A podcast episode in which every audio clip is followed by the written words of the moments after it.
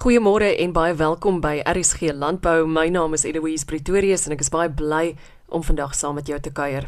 Innovasie, wel dis iets waaroor daar graag en gereeld oor gesels word op hierdie program. Ek is mal daaroor om met mense te praat wat hulle toespits op die uitdink van nuwe metodes om landbou in Suid-Afrika te steun en om aan boere oplossings te bied.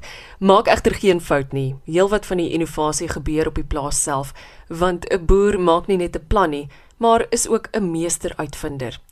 Vir vanoggend se program moet jy egter jou sitplekgordel baie styf vasmaak want ek neem jou saam na die hart van 'n regte, egte innoveringslaboratorium. Dis 'n plek waar die stofwolke omtrent hoog staan want die man in die middel is 'n innoveerder van beroep of eerder dis een van die vele dinge waarin hy sy hand waag.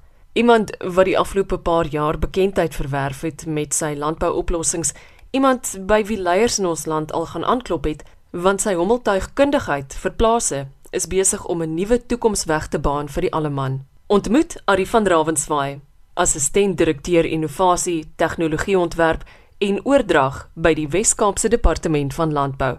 En nou moet jy jou ore spits, want as jy mooi luister, hoor jy die gesuis van 'n regte, egte hommeltuig wat terloops besig was om ons stipdop te hou tydens hierdie onderhoud. Jy hoor ook hoe daar gebou en gebreek word in kamers vir eksperimente. En dis waar idees gebore word, amper soos 'n babasaal vir innovasie. En ja, dit raas. Die energie is hoog en die briljante idees baie. Maar kom ons hoor eers uit die perd se bek wat dit is wat 'n landbou-innoveerder doen vir 'n lewe. Kom ons begin dit so. Wat sê my baas? My baas sê ek speel vir 'n lewe. So baie mense dink ek speel. Ja, innovasie is seker speel, maar dit raak baie opwindend, maar daar is baie snaakse denke ook agter dit en mense moet 'n bietjie anders kan dink seker. My werk by landbou is om die basiese ontwerp te doen, maar ook om te kyk na ons web en ook na ons nuwe tegnologie, innoverende gedagtes rondom navorsing ensovoorts. Hommeltuig tegnologie het die laaste paar maande drasties verander. Ag, ons sit wel met 'n klomp regulasie wat ons keer met seker goed, maar die positiewe kant daarvan is ons kan navorsing nou gebruik van 'n nuwe oogpunt. 'n hommeltuig bly 'n medium wat vir ons sensors opdra. So die gesprek wat ek wil uitvoer is meer oor die tegnologie rondom sensors en mikroprosesering. Drones of en en hommeltuie in Afrikaans is die medium wat dit vir ons opdra. Nou, ons kan van die lug af 'n bietjie meer raak sien. Ons kan verskillende spektrums monitor en ons kan kyk na plantgesondheid. Ons kan vure optel, ons kan hitte monitor doen. Ons kan enigiets van die lug af sien. Dit hang alles af van die tipe sensors wat jy op die drone plaas. Ek weet van navorsers wat lugkwaliteit in Kaapstad meet byvoorbeeld met 'n drone. So 'n drone kan baie dinge doen, maar 'n drone kan ook nie baie dinge doen nie. Mense moet versigtig wees want mense baie keer dink dat drones kan 24 ure 'n dag monitor. Hulle is steeds beperk rondom batterylewe. So jy het miskien jou halfuur, 20 minute, maksimum 'n uur en 'n half vlugtyd wat jy kan voorsien vir. En nou dat ons hommeltuig tegnologie onder die knie het, wil ek graag hoor wat is die ander vraagstukke waaroor hierdie landbou-innoveerder op die oomblik oplossings probeer vind. Wel, kom ons begin by die 4de industriële revolusie. Ons begin by die eerste water, stoom, tweede ene was elektrisiteit, derde ene was die outomatisering van alles. Nou begin ons by 'n punt kom waar dinge begin vir hulle self dink. Ons almal weet dat voertuie kan self bestuur, drones kan hulle self vlieg um robotte kan begin dink en goeders prosesseer wat ons vir hulle vra. Wat beteken is in landbou ons begin meer en meer sensors gebruik. Ons weet selfone byvoorbeeld kry meer en meer sensors deesdae by. Almal weet hulle raak vinniger, hulle is basies 'n klein rekenaar in jou sak. Die nuwe waarde toevoeging vir selfone byvoorbeeld is sensors. Dis hulle vir landbou. Ons wil die grondmonsters kan monitor. In plaas van om chemiese toetse te doen op 'n op 'n grondmonster, kan ons begin sensors in die grond plaas wat druk en pH alles kan toets vir ons wat ons nodig het net deur die regte sensor in die grond te plaas en die lug te plaas. Ons kan sensors gebruik om verskillende goeders op een slag te monitor. Ons kan na die weer kyk, ons kan die grondkwaliteit kyk. Al hierdie verskillende faktore bymekaar plaas en nuwe gevolgtrekkings maak. Ons kan die verskil tussen droogte en 'n uh, warmer klimaat en 'n koue klimaat meer vog raak sien en optel wat ons moet doen wat ons nie moet doen nie. Die goeie ding is daar's nie meer noodwendig menslike toepassing nie. Ons kan rekenaars gebruik wat dit vir ons bitter vinnig prosesseer en die data kan vir ons beskikbaar gestel word baie vinniger as wat ons in die vorige eeu laas kon kyk na, na enige data. So die manier hoe ons dataversameling is is baie ons het meer data om te prosesseer van al die aantal so, sensors wat ons oral plaas, maar ons kan soveel vinniger en beter resultate kry en baie meer akkuraat wees as nog ooit tevore.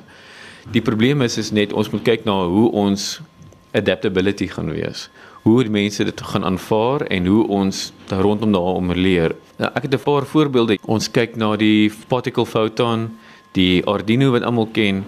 Nou, hulle kan baie basies enige sensor op hulle geplaas en ons kan monitor met hulle. Ons gebruik reeds nou die die foton met 'n weerstasie. So jy uittel die humiditeit en die temperatuur, hy kan windrigting, windspoed alles optel en ons programmeer hom soos ons wil. Ons kan sekere sensors afsit, sekere goed optel. Ons kan daai weer konnekteer rondom 'n Arduino of 'n Raspberry Pi. En ek weet nie of baie mense weet nie, maar die Raspberry Pi is 'n klein rekenaartjie. Hy pas in jou hand. Dis 'n volledige rekenaar met RAM, alles in. Nou en hy kan vir ons data weer terugstuur, hy kan vir ons data prosesseer en hy kan vir ons baie verder vat as wat ons sou wees 'n paar jaar terug. Die sensors het almal verskriklike snaakse name. Ek weet nie altyd waar die ontwerpers daaraan kom nie. Daar's 'n banana pie, raspberry pie. My baas sê gereeld ons werk met kos. Klink dit vir my want al my tegnologie het ook kosname. Maar dis maar die verskaffers wat vir ons die nuwe name bysit.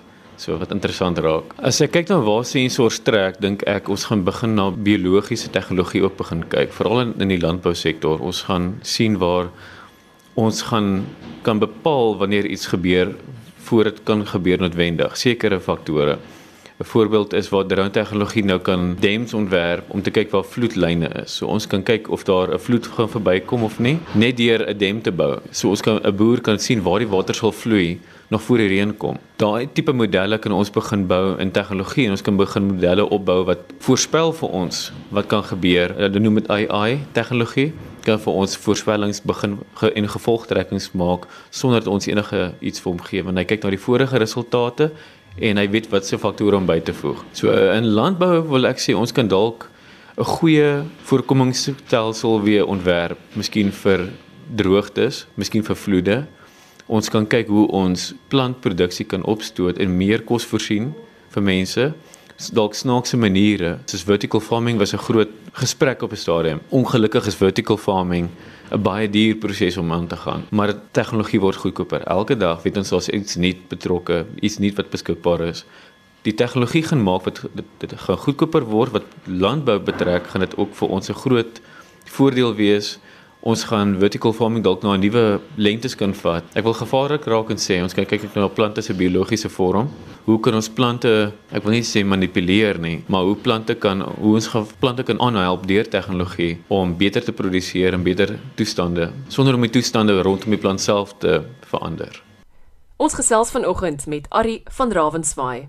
Hy is assistent direkteur innovasie, tegnologieontwerp en oordrag by die Wes-Kaapse Departement van Landbou. En soos jy hoor 'n man met 'n heerlike taak om tegnologie en landbou se paai suksesvol te laat kruis. Maar dalk luister jy nou hierna en dink ek het 'n dogter of 'n seun wat dalk self perfek in so 'n rol sal pas. Waarin moet mens belangstel om te kom waar Ari is? Ek is nog altyd baie belangstellend gewees in tegnologie. Ek het altyd gekyk wat is die nuutste ding ek het op 'n stadium gekyk selfs na hoekom bou hulle nie 'n MP3 speler in 'n kar nie. Okay, raai waar ons is vandag. Almal het dit in hulle voertuie. Nou daai vooruitdenke is 'n groot ding. Maar ek wil by sê programmering moenie dink dat net programmering is waar jy gaan staan nie. Baie van my kollegas het, het eers gewonder waar gaan ek met tegnologie in landbou inpas? Hulle is in landbou. Maar binne die landbou spektrum is daar verskriklik spasie vir tegnologie en mense besef het hoe meer ons aan my werk, hoe meer pas ons in. So as jy belangstel in iets, kyk hoe die die toepassing van tegnologie daarin is. Die toekoms van tegnologie lê in programmering. Programmering is by ver die grootste voordeel wat ek glo vir vir tegnologievordering. as jy nuwe goederes wil ontwerp, ingenieursrigting, 'n basiese agtergrond en 'n kreatiewe denkwyse. Ek is ook 'n gekwalifiseerde ontwerper. Nou, dit help my baie meer om kreatief te dink oor hoe ek 'n projek aanpak. Kreatiewe denke is 'n groot ding. Jou jou ingenieursingesteldheid en jou programmering, daai kombinasie saam is 'n groot voorsprong vir tegnologie. Moenie bang wees vir tegnologie nie. Vat dit in, verwelkom dit in jou lewe want tegnologie is die voorpad vorentoe en ons gaan dit nie kan vermy nie. Daar is baie mense wat sê ja, maar ek is bang vir tegnologie. Baie mense bring hulle drones vir my en sê ek is bang om hom op te styg. Vat 'n kans, lees met basies, kyk op die internet. Google doen wonders vir mense. Mense sal nie glo hoeveel data beskikbaar is op die internet. Vat die kans en speel. Ek weet van dames daar buite wat in hulle 40's is wat met Raspberry Pi speel by die huis en hulle huise inbou. Hulle bou in hulle stelsels van hulle huise waar hulle fingerprint readers inbou vir hulle huise oop te sluit sonder 'n sleutel. So wees oop vir tegnologie en speel sover as wat jy gaan. 'n Landbou-innoveerder soos min, 'n man wat nuwe stelsels ontwerp en uitdink en iemand wat passievol is daaroor om mense se lewens te verbeter. En beslis nie net in landbou nie. Maritjie Cornelissen is verantwoordelik vir kwaliteitsbestuur by die Wes-Kaapse Departement van Landbou Elsenburg College. Sy het vanoggend nuus vir voornemende landboustudente in ons land en brei uit oor die kursusse wat beskikbaar is asook belangrike datums wat in gedagte gehou moet word. Vanoggend wil ons net vir die luisteraars vinnig laat weet dat die aansoeke vir die 2020 akademiese jaar by die Elsenburg Landbou Opleidingsinstituut reeds oop is en beskikbaar is. Die aansoeke vir die B-agriek graad wat ons in samewerking met Stellenbosch Universiteit doen, moet gerig word aan Stellenbosch self en daardie skakel kan gevind word op ons webtuiste www.elsenburg.com. Aansoeke sluit 30 Junie 2019. Aansoeke vir die diploma kursus kan gerig word aan Elsenburg self, ook beskikbaar op dieselfde webtuiste. Daardie aansoeke sluit die 31ste Julie. Enige ander verdere navrae kan gerig word aan mevrou Desiree Dampies by 021 808 5457. Elsenburg Landbou Opleidingsinstituut bied ook leerlingskapprogramme aan en kort kursusse. Die kontakpersoon vir daardie programme is mevrou Cathy Matthyse by 021 08005492. Daardie aansoeke is reeds oop en kan direk gerig word aan Elsenburg self. Aansoeke is ook beskikbaar op die webtuiste www.elsenburg.com. Luister gerus na nog 'n episode van RSG Landbou môreoggend om 14:12. Ek's Eloise Pretorius en ek dank jou dat jy vanoggend ingeskakel het. Groete, tot môre.